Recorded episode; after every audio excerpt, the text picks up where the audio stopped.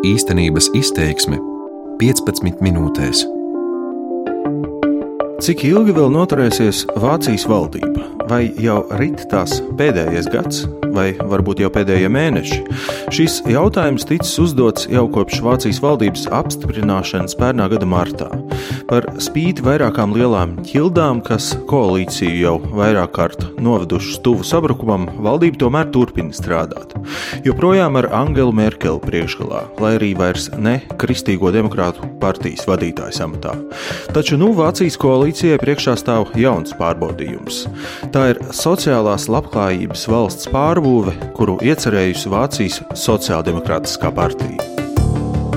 Mans vārds ir Toms Ancītis, un šodienas raidījumā īstenības izteiksme 15 minūtēs stāstīšu par Vācijas sociāldemokrātu reformu plāniem, kurus kritiķi dēvē par naudas laistīšanu no Leikannas. Arī par to, kāpēc vienā no Eiropas turīgākajām valstīm miljoniem pensionāru saņem tik niecīgas pensijas, ka izdzīvošanai spiesti lūgt sociālos pabalstus. Un kādēļ, atšķirībā no daudzām citām valstīm, Vācijā joprojām nav minimālās pensijas. Lai gan Vācija turpina vadīt jau ierastā tā dēvētā lielā koalīcija ar kristīgajiem demokrātiem, Kristīgu sociālo savienību un sociāldemokrātiem, tā ir trauslāka nekā iepriekš. Visus trīs valdošos spēkus 2017. gadā vēlētājs ir sodījis. Tādēļ koalīcijai ir mazāk balsu nekā iepriekšējā parlamentā. Arī ceļš uz valdības sastādīšanu bija ērkšķains. Tā tapa kā izējas variants, lai nebūtu jārīko ārkārtas vēlēšanas, kad izgāzās sarunas par tā saucamo Jamaikas koalīciju. Sociāldemokrāti jeb SPD tajā iesaistīties piekrita caur zobu sāpēm, jo baidījās, ka vēl četri gadi Merkeles ēnā partijai varētu būt nāvējoši.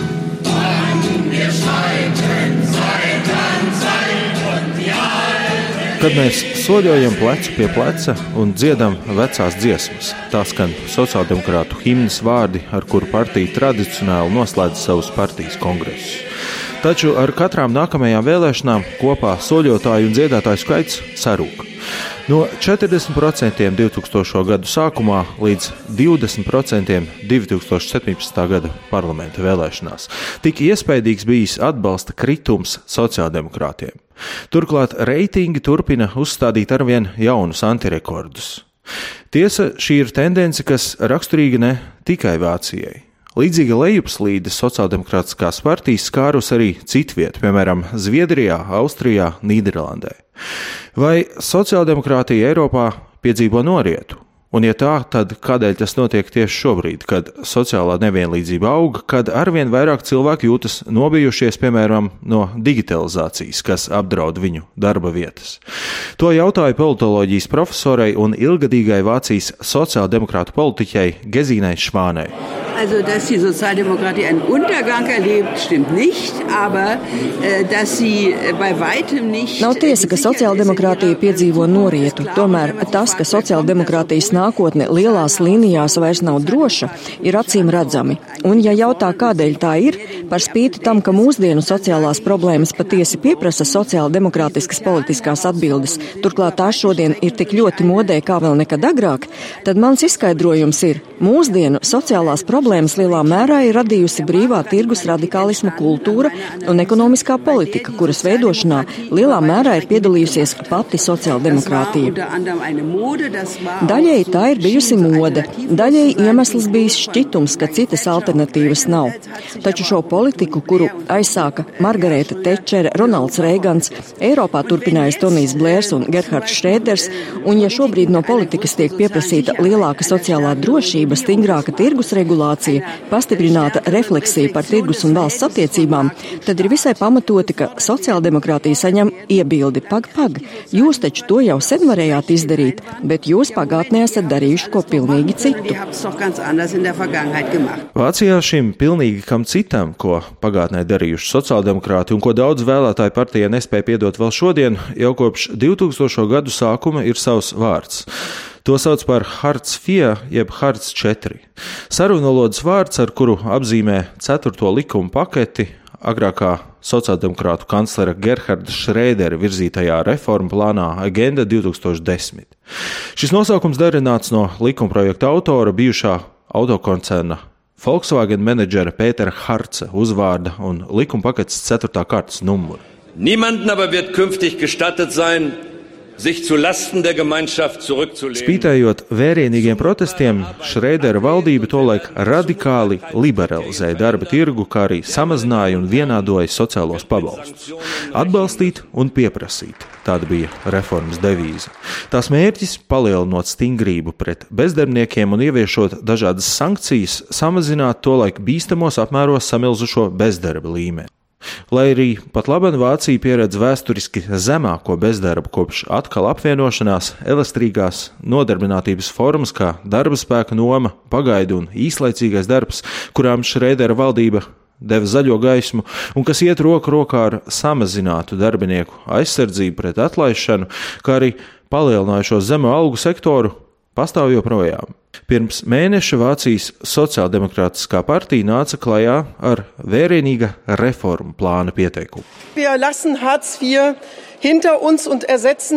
Mēs atstāsim pagātnē Hārts 4 un aizstāsim to ne tikai nosaukuma pēc. Sociālās labklājības valsts koncepts, kuru mēs šodien esam apstiprinājuši, nozīmēs gluži jaunu pieeju, citu attieksmi un citu perspektīvu. Tā plānu raksturoja SPD vadītāja Andrejā Nāles. Plāns jau paspēja saņemt negatīvu novērtējumu no koalīcijas partneriem, kristīgajiem demokrātiem. Kā sociāldemokrātu ieceras intervijā raidsabiedrībai Deutschlandfunk novērtējis Kristīgo demokrātu savienības politiķis Kristofs De Vries. Tas ir vienkārši neticami, ka SPD tagad distancējas no reformas, kas bijusi tik veiksmīga, kas paaugstinājusi motivāciju meklēt darbu, kas mūsu zemē atnesusi rekorda augstu nodarbinātības līmeni un labklājību. Tieši Šrēdera iniciētā darba tirgus tirgus liberalizācija, stiprinot darba devēju un vājinot darbinieku pozīcijas, bieži tiek uzskatīta par Vācijas pēdējās desmitgades ekonomiskās izaugsmas pamatu. Sociāldemokrāta jaunais koncepts turpretī paredz pienācis laiks šīs reformas reformēt no jauna. Piemēram, paildzināt tā dēvētā pirmā līmeņa bezdarbnieku pabalsta izmaksas laiku, pārdēvēt otrā līmeņa bezdarbnieku pabalstu par pilsoņu naudu un mazināt sankcijas ilgstošiem bezdarbniekiem kā arī palielināt minimālo algu līdz pat 12 eiro stundā un ieviest tiesības uz strādāšanu no mājām.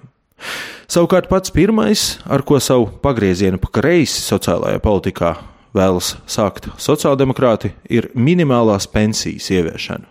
Proti, visiem, kuri nostrādājuši vismaz 35 gadus un šai laikā iemaksājuši pensiju kasē, pienāktos piemaksa pensijai līdz 448 eiro mēnesī bez ienākumu un mantiskā stāvokļa pārbaudas.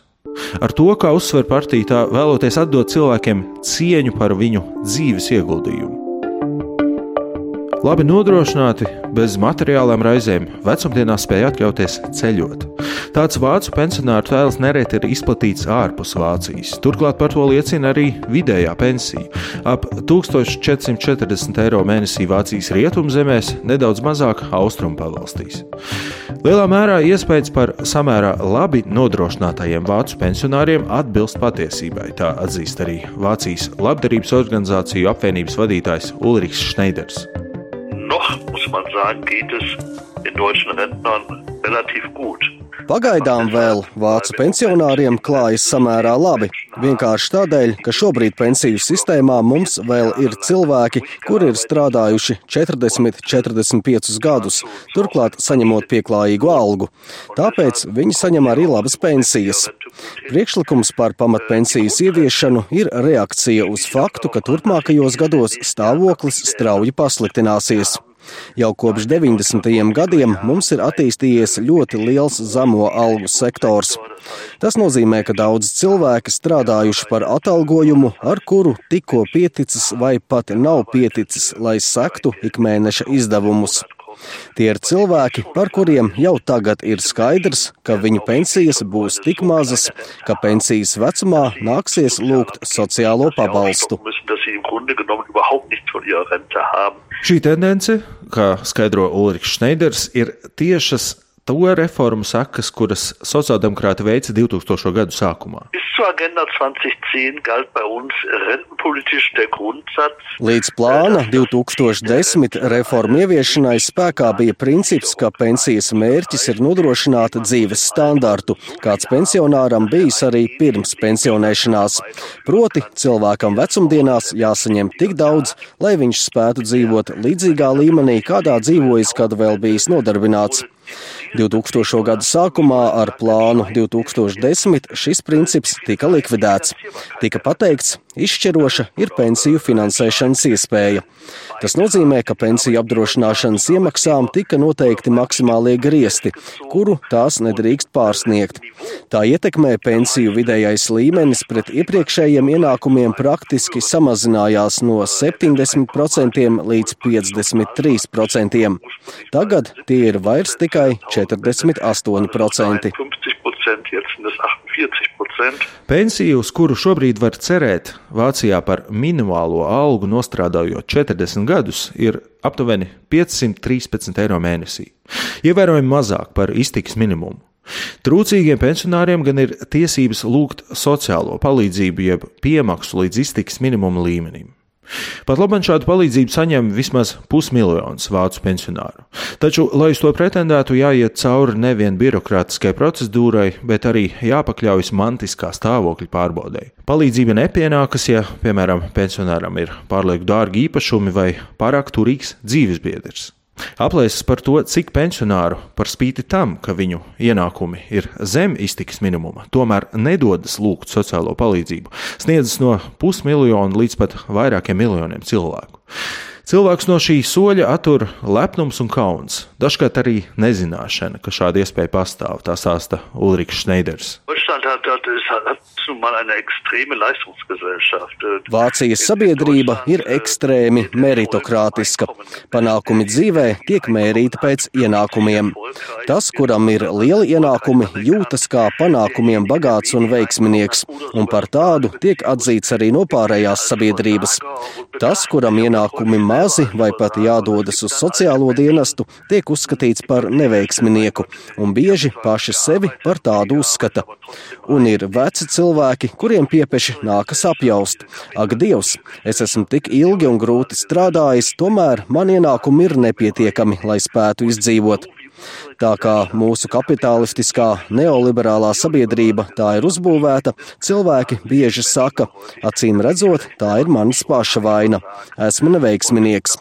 Un viņi saka, tad es neiešu uz sociālo dienestu. Es nevēlos sēdēt tanī rindā pie citiem neveiksminiekiem.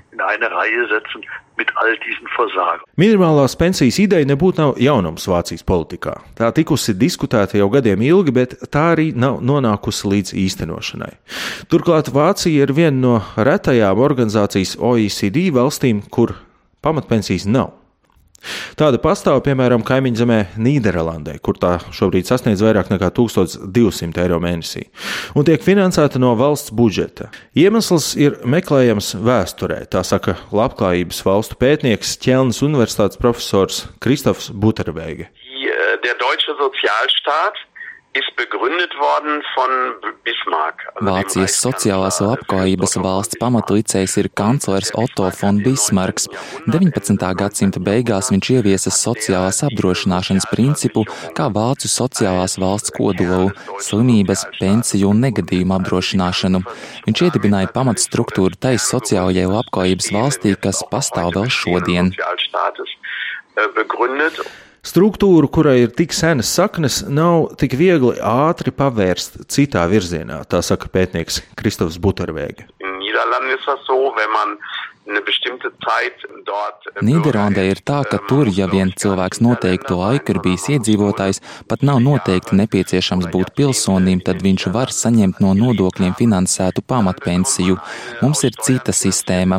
Tas, kurš ir strādājis un noteiktu laiku iemaksājis pensijas apdrošināšanas iemaksas, tas saņem atbilstošu pensiju, atkarībā no darba stāža un pensiju iemaksu lieluma. Un diezgan ilgi tas ir labi funkcionējis.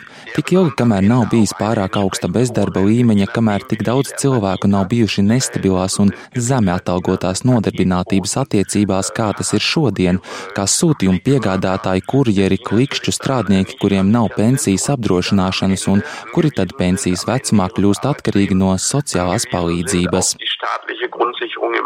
Arī kristīgie demokrāti nav pret to, ka zemo algu sektorā līdz šim strādājušo un tagad pensijas vecumu sasniegušo stāvoklis uzlabojas. Taču partija iebilst, visiem vienādas pamatpensijas ieviešana būtu netaisnība. Tas nozīmētu, ka tie, kas strādājuši mazāk, saņemtu vienlīdz daudz kā tie, kas strādājuši vairāk. Tādēļ kristīgo demokrātu prasība ir mantiskā stāvokļa jeb reālās vajadzības izvērtēšanas prasībai jāpaliek spēkā.